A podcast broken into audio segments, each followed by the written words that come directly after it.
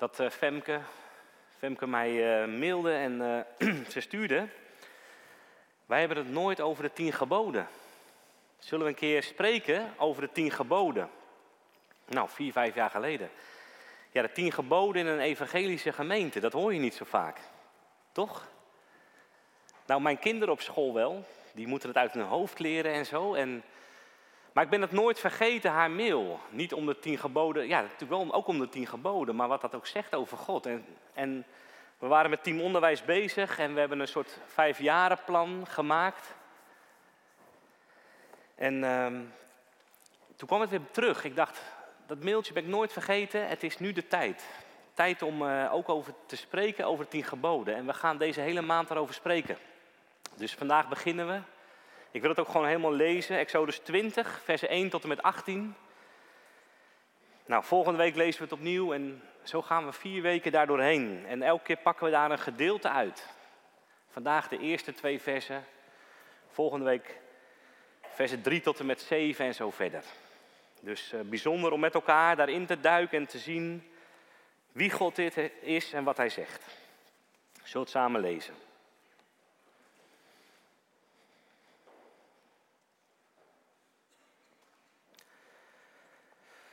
Toen sprak Elohim al deze woorden. Ik ben Yahweh, uw God, die u uit het land Egypte, uit het slavenhuis geleid heeft. U zult geen andere goden voor mijn aangezicht hebben. U zult voor uzelf geen beeld maken, geen enkele afbeelding van wat boven in de hemel of beneden op de aarde of in het water onder de aarde is. U zult zich daarvoor niet neerbuigen en die niet dienen, want ik, Jaweh, uw God, ben een naijverig God, die de misdaad van de vaderen vergeldt aan de kinderen, aan het derde en vierde geslacht van hen die mij haten. Maar die barmhartigheid doet aan duizenden van hen die mij liefhebben en mijn geboden in acht nemen. U zult de naam van Jaweh, uw God, niet ijdel gebruiken. Want de Heer zal niet voor onschuldig houden, houden wie zijn naam ijdel gebruikt. Gedenk de Sabbatdag dat u die heiligt Zes dagen zult u arbeiden en al uw werk doen, maar de zevende dag is de Sabbat van de Heer uw God. Dan zult u geen enkel werk doen. U, nog uw zoon, nog uw dochter, nog uw dienaar, nog uw dienares, nog uw vee, nog uw vreemdeling die binnen uw poorten is. Want in zes dagen heeft Yahweh de hemel en aarde gemaakt, de zee en al wat erin is. En hij rust op de zevende dag. Daarom zegende Yahweh de Sabbatdag en heiligde die. Eer uw vader en uw moeder, opdat uw dagen verlengd worden in het land dat Yahweh uw God u geeft. U zult niet doodslaan, u zult niet echt breken, u zult niet stelen, u zult geen vals getuigenis spreken tegen uw naaste. U zult niet begeren het huis van uw naaste. U zult niet begeren de vrouw van uw naaste, noch zijn dienaar, noch zijn dienares, noch zijn rund, noch zijn ezel, noch iets wat van uw naaste is. En heel het volk was getuige van de donderslagen, de bliksems, het bazuinsgeschal en de rokende berg. Tot zover.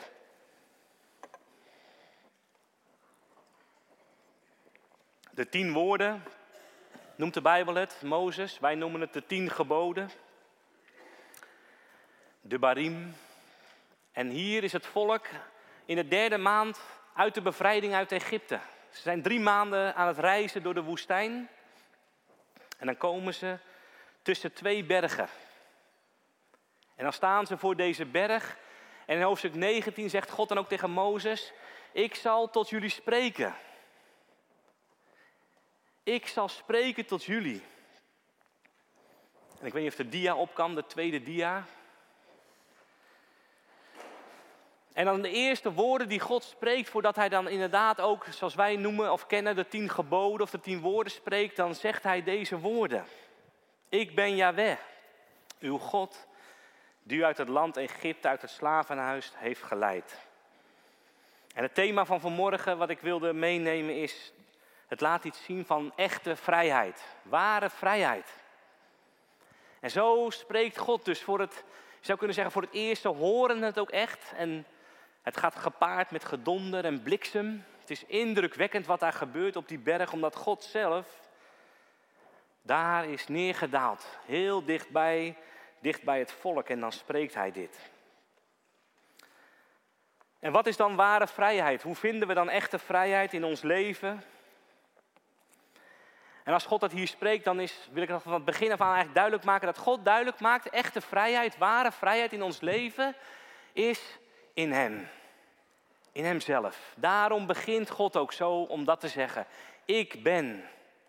En openbaart Hij zichzelf. Ik ben Yahweh. En de volgende dia, ja. Dat is, als eerste wil ik zeggen, de vrijheid die we mogen ontdekken in God is in zijn naam. Zijn naam die hij heeft geopenbaard hier op de berg. Het toont wie hij is. God openbaart zich, laat zien wie hij is. In plaats van dat hij verborgen is en blijft. Zo vaak of zoveel mensen ervaren dat toch, dat God verborgen is. Verborgen blijft. Maar hier spreekt God. Hij openbaart, hij laat zien wie hij is. Ik ben Yahweh. En die naam heeft hij al eerder laten zien aan Mozes. Als Mozes dan met zijn kudde aan het, aan het hoeden is, Exodus 3, dan ziet hij een, een dorenstruik, een braamstruik branden.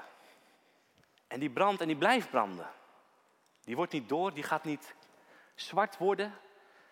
En dan gaat Mozes daar naartoe, want dat verschijnsel is toch weer, dat kan helemaal niet. En dan loopt hij daar naartoe en dan gaat God spreken. Spreken tot Mozes dat hij het volk heeft gezien in Egypte. Dat hij het volk Israël heeft gehoord in Egypte. En dan zegt hij, doe je schoenen uit. Want dit is heilige grond. En dan zegt Mozes, als hij dan de opdracht krijgt om weer terug te gaan naar Egypte, juist waaruit hij gevlucht is, zegt Mozes, hoe zullen ze mij geloven? Het volk Israël, de Joden, de Hebreeërs. Wat is uw naam, zegt hij dan. Eigenlijk vraagt Mozes gewoon eenvoudig aan de stem die hij hoort, wie bent u? En dan spreekt God en dan zegt hij hetzelfde. Ik ben Yahweh. Ik ben die ik ben. Is daarvan afgeleid. Ik ben die ik ben. Die er is. En die er altijd zal zijn. En wat betekent dat dan, die naam? Dat is dat hij de levende is. Dat God de levende is en de aanwezige. Aanwezig in deze schepping.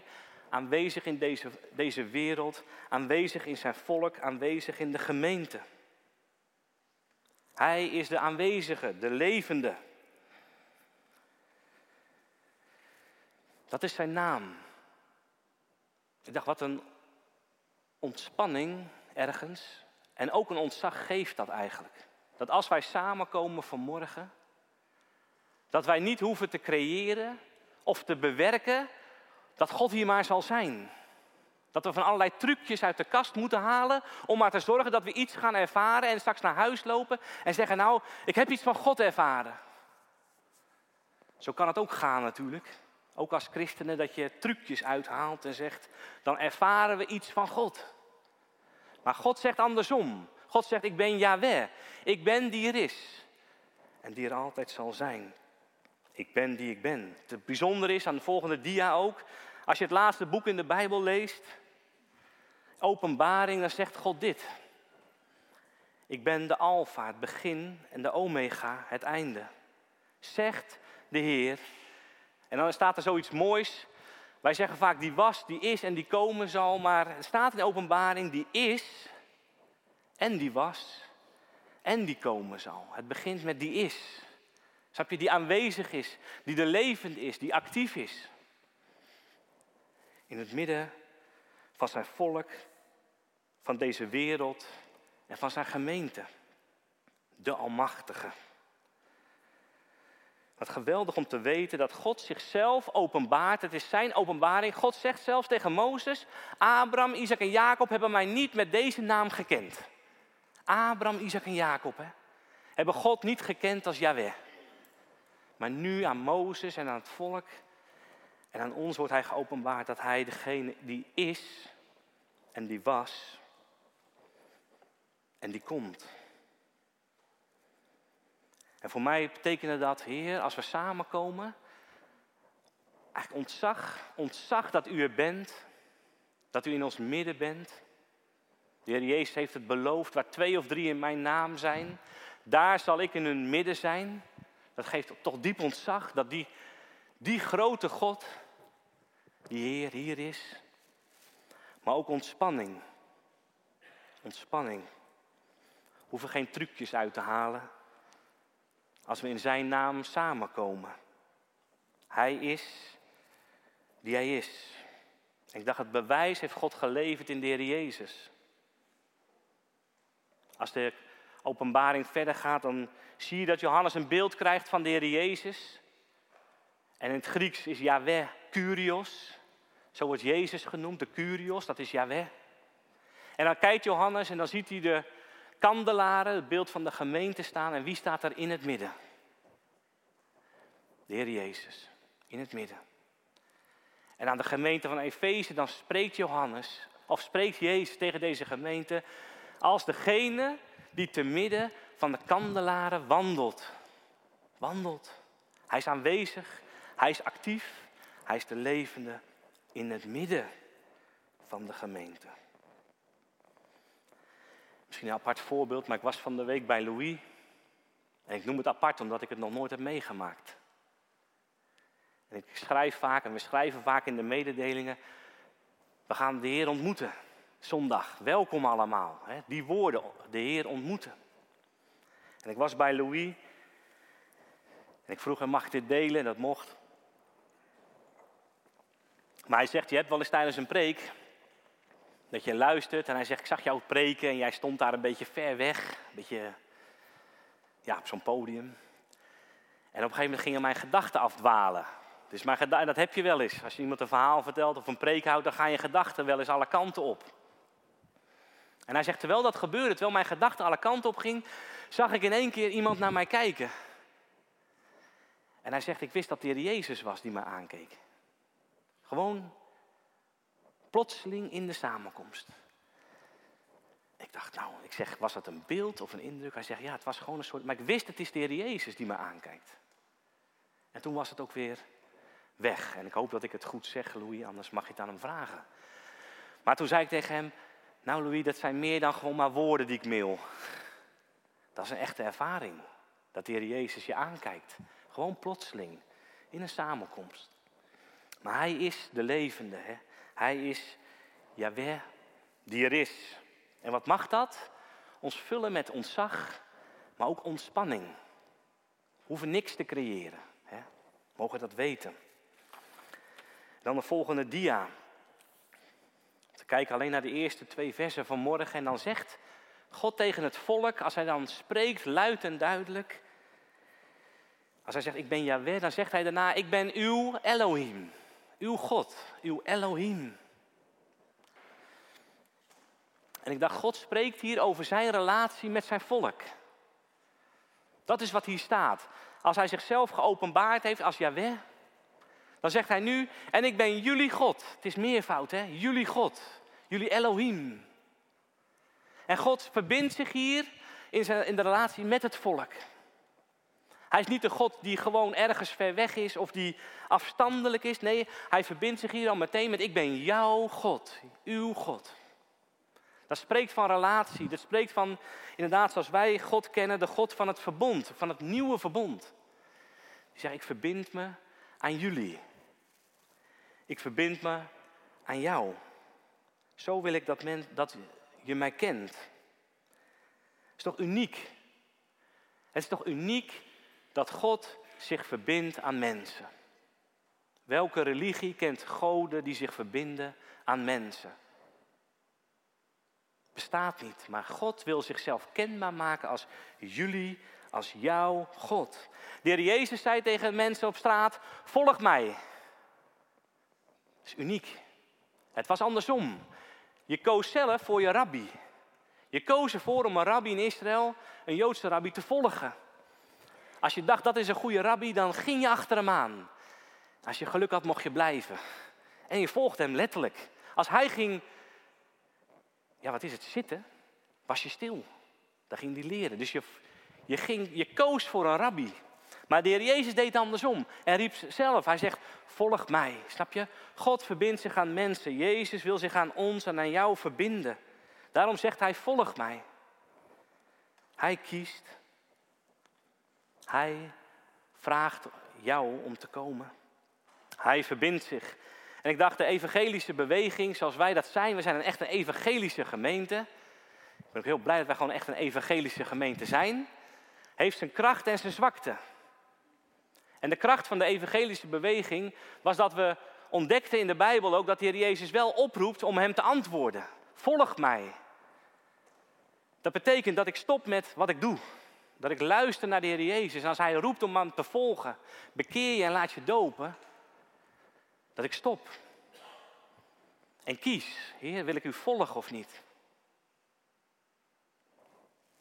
De zwakte is dat het gevolg kan zijn, ik kies voor Jezus. Ik kies voor Jezus. En dan komt ik vooraan, snap je? Terwijl het is andersom. Jezus staat vooraan en zegt, kom bij mij, ook vanmorgen. Hij verbindt zich aan jou en wil zich verbinden. En inderdaad, dan moet je antwoorden, dan moet je even stoppen. En zeggen, wat doe ik? Maar het is niet ik kies voor Jezus, maar Jezus heeft gekozen voor mij. Paulus zegt het zo mooi in Galaten. Als hij dan schrijft aan de gelovigen daar.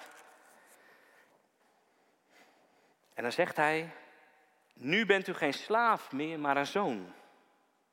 Door het geloof in Jezus. Maar toen u God niet kende, diende u hen die van nature geen goden zijn. Je diende van alles. Je volgde en je liep alles achterna wat je maar deed. En dan zegt hij, en nu u God kent. Nu je God hebt leren kennen. Beter gezegd, en hij herstelt hij eigenlijk wat hij zei, nu je door God gekend bent. Snap je? Het begint dat God jou kent. Dat Jezus jou kent. En daardoor heb je Hem leren kennen. Paulus gaat zo ver in Efeze dat hij zegt, voor de grondlegging van de wereld, moest even bij stilstaan, voor de grondlegging, voordat de wereld en de aarde geschapen werd, heeft Hij, dat is God, ons uitverkoren in de Heer Jezus. Opdat we heilig en smetteloos voor Hem zouden zijn in de liefde. Hij heeft ons voorbestemd om als Zijn kinderen aangenomen te worden. Voor de grondlegging der wereld. Het is toch onvoorstelbaar. Dat God dat al bedacht had om jou en om mij uitverkoren te zijn in de Heer Jezus. Voorbestemd om als zijn kinderen te zijn. Paulus zegt in Romeinen gewoon een paar teksten die dat telkens duidelijk maken. Het begint met God, het begint met Jezus. Maar het gaat zo ver, want in ons leven, als we eenmaal Jezus volgen, dan kan het wel eens gebeuren dat we denken dat we iets moeten ja, verdienen als het ware. Zijn liefde of zijn genade moeten verdienen. Maar dan wijst Paulus erop dat de Heer Jezus gestorven is en dat God zijn liefde bewijst, Romeinen 5, vers 8. Dat de Heer Jezus voor ons gestorven is toen wij nog zondaars waren. Toen we in zonde leefden, vijandig aan God, vijandig aan Hem. Toen is de Heer Jezus gestorven voor jou en voor mij. Niet omdat we van goede wil waren, niet omdat we zo braaf waren of wat dan ook. Toen stierf Jezus al voor ons. En God verbindt zich aan jou en aan mij. En dan zegt hij, ik ben, ook tegen zijn volk, uw Elohim. Hij is onze, jouw God. Zo wil hij zich kenbaar maken. En wij mogen komen. En toen dacht ik aan de maaltijd vandaag. We vierden vandaag de maaltijd van de Heer. Nou, Jezus nodigt je uit, snap je?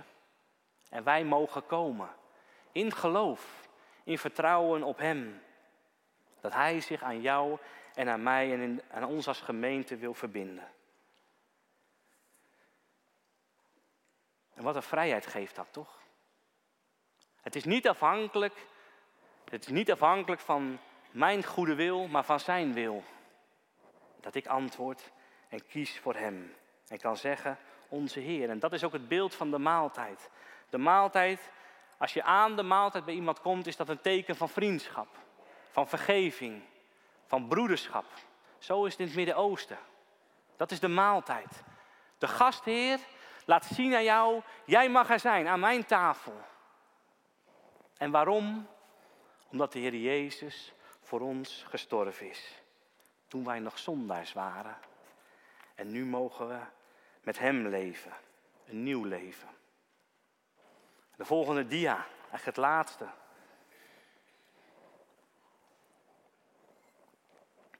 Het laatste wat God dan spreekt voordat Hij de tien woorden geeft. Dan zegt Hij, ik ben Yahweh, uw Elohim, die u uit het land van Egypte, uit het slavenhuis geleid heeft. Het hele boek Exodus gaat over bevrijding, over uittocht. Waaruit? Nou, uit Egypte. En Egypte was een slavenhuis. Daar was je slaaf. Dwangarbeid. En het woord uitgeleid worden, dat vind ik wel heel mooi. Dat Hebreeuwse woord kan ook vertaald worden met geboren worden. Het is als het ware alsof het volk Israël een nieuwe geboorte doormaakt. In Egypte waren ze slaven. Er is bekend dat daar gewoon kamers, ruimtes waren met muren waar slaven werden vastgehouden. Israël had ook een eigen plek, lezen we, maar het kan ook goed zijn dat sommigen ook werden vastgehouden met ommuurde muren. Je kwam er alleen uit als je moest werken. Dwangarbeid. Geboren worden, prachtig beeld hè. Volk Israël wat uit Egypte door God geleid wordt als een nieuwe geboorte. En gisteravond las ik hoofdstuk 1 tot en met 19, Exodus. Want ik dacht, die hele bevrijding, wat hier staat, lees je in al die hoofdstukken. Van hoofdstuk 1 tot en met hoofdstuk 19. Nou, je leest het in, nou misschien een uur. Ik dacht, wat geweldig om daar doorheen te gaan. Dus ik wil je echt oproepen, lees het thuis. Deze weken, lees eens dat hele boek Exodus door en begin bij hoofdstuk 1. En dan, dan zie je wat, wat er allemaal gebeurt. Dat het niet zomaar zo was en het volk was bevrijd, maar het is een heel proces. Wat God voortdurend maar doet. En hij heeft ook Egypte op het oog, dat is ook zo bijzonder. Hè? God heeft ook Egypte op het oog. Dat ze zouden zien, erkennen wie hij is. Het slavenhuis Egypte. En ik dacht slavernij. De, de tragiek van slavernij. Ik dacht, kennen wij dat? Ik ken het niet. Wij hebben wel een geschiedenis als Nederland met slavernij. Ik moest denken aan het bezoek van de koning aan Zuid-Afrika vorig jaar. En wat een heftige emoties. Generaties later van Zuid-Afrikanen die nog zo vol emotie en pijn zitten en woede om de slavernij. Ze, ze schreeuwden het haast uit naar de koning. En generaties later, hè? Slavernij.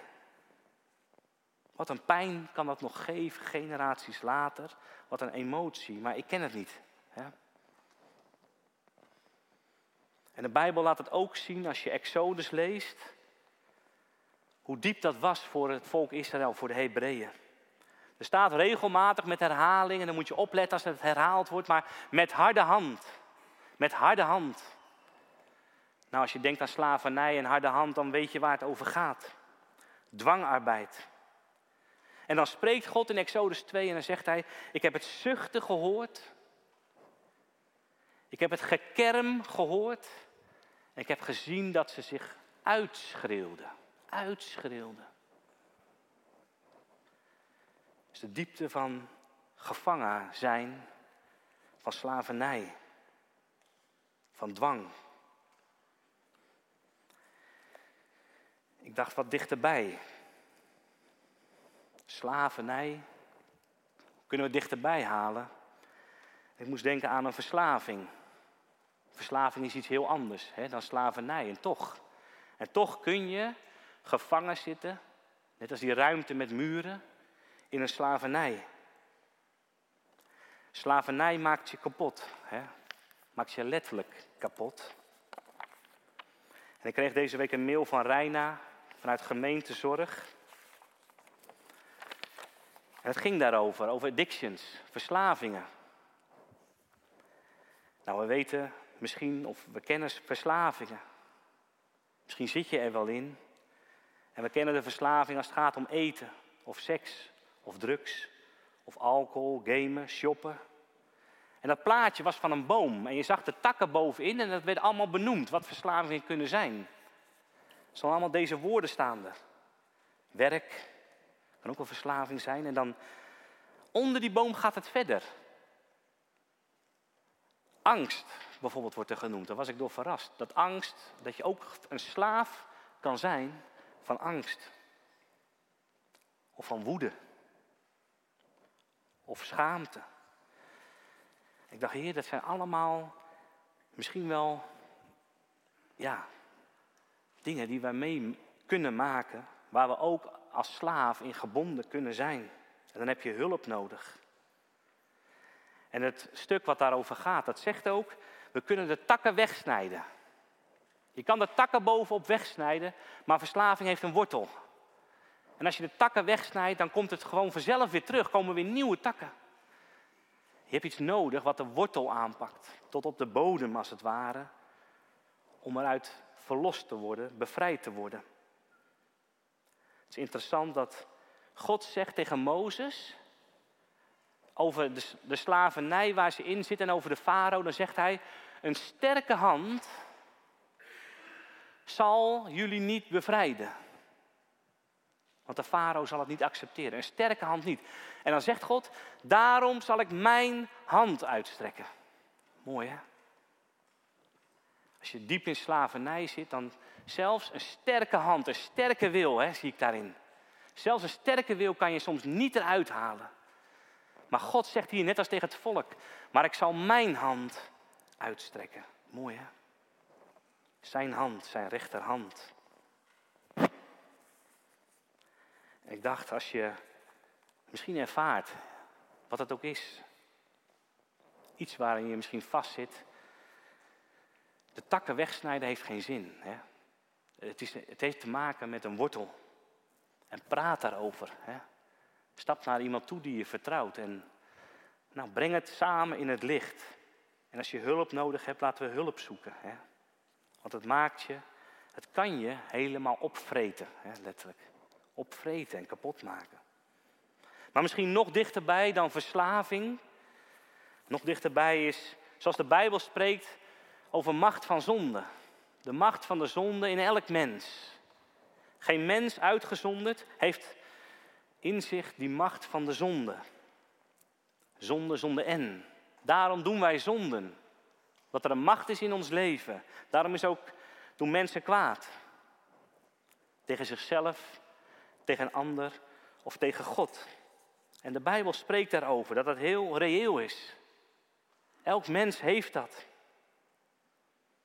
Als je Romeinen 7 leest, ja, ik zat daar weer doorheen te gaan. Ik dacht haast, Paulus heeft die haast over een verslaafde.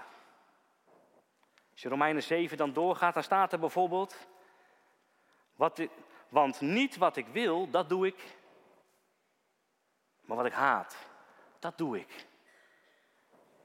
Dus niet wat ik wil, doe ik, maar wat ik haat. Ik weet dat in mij, dat is in mijn natuur, niets goeds woont. Immers, ik wil het wel, maar het lukt me niet. Het klinkt haast al als een verslaafde. Het goede dat ik wil, doe ik niet, maar het kwade dat ik niet wil, dat doe ik. En dat is de zonde die in mij woont. De zonde, dat is een macht. Dat is iets in ons. Wat maakt dat we niet het goede doen, ook al willen we het. En misschien hoe meer je het goede wilt doen, hoe minder het lukt. Dat is ook soms mijn ervaring. Je wil het tegenstrijden. Ik zeg, Heer, ik wil het niet langer meer. Dat dit mij nou overkomt. Ook als christen kun je, hebben we strijd. Geestelijke strijd, ook strijd soms met onze natuur nog. En je zegt, ik ga er tegen strijden. Ik heb goede moed gekregen vanmorgen. Het is goed om te strijden. Hè? Het is ook goed om te strijden. Nu tegen zonde is of tegen verslaving of wat dan ook. Maar deze week kreeg ik een appje. Appje van een jonge man uit de gemeente. Volgens mij is hij 15. Misschien is hij 16. En hij stuurde een appje. Hij zei, Christian, ik pak hem er even bij. Het is in het Engels. Hij zegt, Christian, een prachtige tekst. En ik dacht, wat een moeilijke tekst. Maar wel mooi. En dan staat er, ik lees het in het Engels gewoon voor wat hij stuurde. My grace is sufficient for you. For my power is made perfect in weakness. Therefore, I will boast all the more gladly of my weaknesses, so that the power of Christ may rest upon me. For the sake of Christ, then, I am content with weaknesses. So, yeah. For when I'm weak, I am strong. En ik dacht, Heer, dat is het geheim, hè? Geheim van je leven eigenlijk met Hem. Maar ik wil sterk zijn, snap je? Ik wil niet falen of vallen of struikelen. Ik wil van alles om maar sterk te zijn. En Paulus zegt, ik wil opscheppen over mijn zwakheden. Want als ik zwak ben, ben ik sterk. Ooit had ik het idee dat de Heer tegen mij zei: Christian, in jouw zwakheid neem ik je aan. Ik dacht, dat is een les voor het leven. Hè? Een les voor het leven. My grace, mijn genade is genoeg, zegt de Heer Jezus. Niet door kracht of door geweld, maar door mijn geest, zegt de Bijbel al. Door mijn geest. En weet je wat het grote geheim is? Of het nou gaat om zonde of gaat om ook verslaving. Om het volgen van Jezus, is de volgende dia. Eentje terug nog, sorry. Het grote geheim, hij stond er al. Er staat hier een voltooid verleden tijd. Dat is het grote geheim. Israël, als ze hier komen, Exodus 20, is al uitgeleid. Uit het slavenhuis. Het is gebeurd. Het is volbracht, zeggen wij.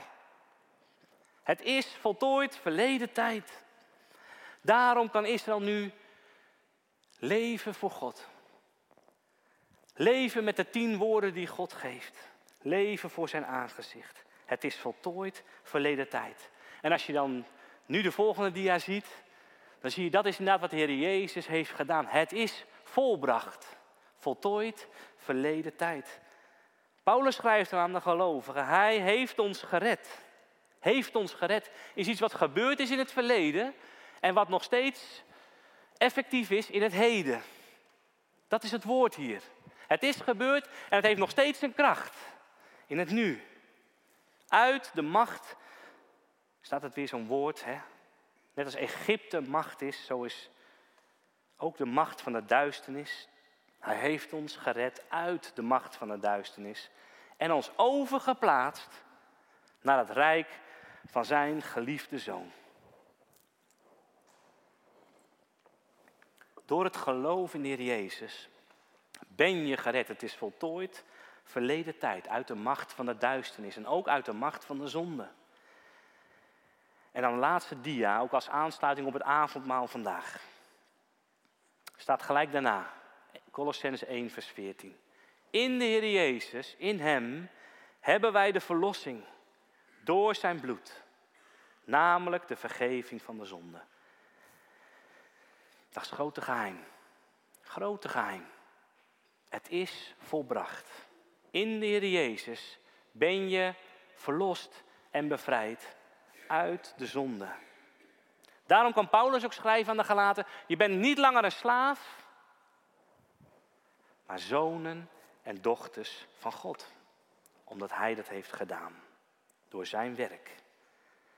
En ware vrijheid, voor vandaag, om mee af te sluiten. Ware vrijheid is in Zijn naam. Hij is Yahweh. Ik ben die er is. Hij wil zich verbinden aan jou. Hij verbindt zich aan de gemeente. De Heer Jezus is het hoofd. Hoe meer verbonden kun je zijn aan een lichaam. Daarom de maaltijd. En tot slot, zijn verlossing uit de duisternis is voltooid verleden tijd.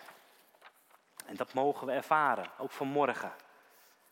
Ook als je midden in een worsteling zit, mag je gaan staan op die woorden, het is volbracht. En Hij nodigt jou en mij uit aan de tafel. Ik wil vragen of het combo naar voren komt. We gaan een prachtig lied zingen. Misschien kunnen we daarbij staan.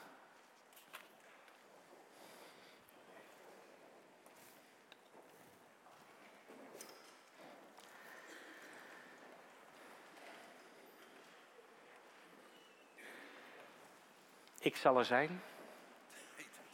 Oh. Ander lied. Onze Vader.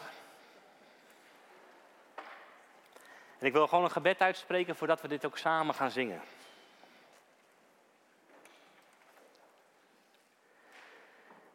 En Hemelse Vader, dank u wel dat u zichzelf openbaard heeft. Dat u toont wie u bent, Heer, jawel. Ik ben die er is. Dank u wel, Heer Jezus, dat u te midden van de kandelaren wandelt. Midden van de gemeente, Heer. Dank u wel dat u ons verlost heeft aan het kruis 2000 jaar geleden. En ik bid ook, Vader, op dit moment. Als u heeft gesproken tot iemand, ook in deze samenkomst of thuis. Heer, werk krachtig door uw geest, Heer. Werk krachtig ook verlossing en bevrijding, Heer Jezus. Het is uw naam, Yeshua. God redt, God zal redden. Heer, bewerk het in ons leven. Zodat we werkelijke vrijheid ervaren in u. Heer, en we danken u, Heer, dat we kunnen zeggen, het is volbracht. Amen.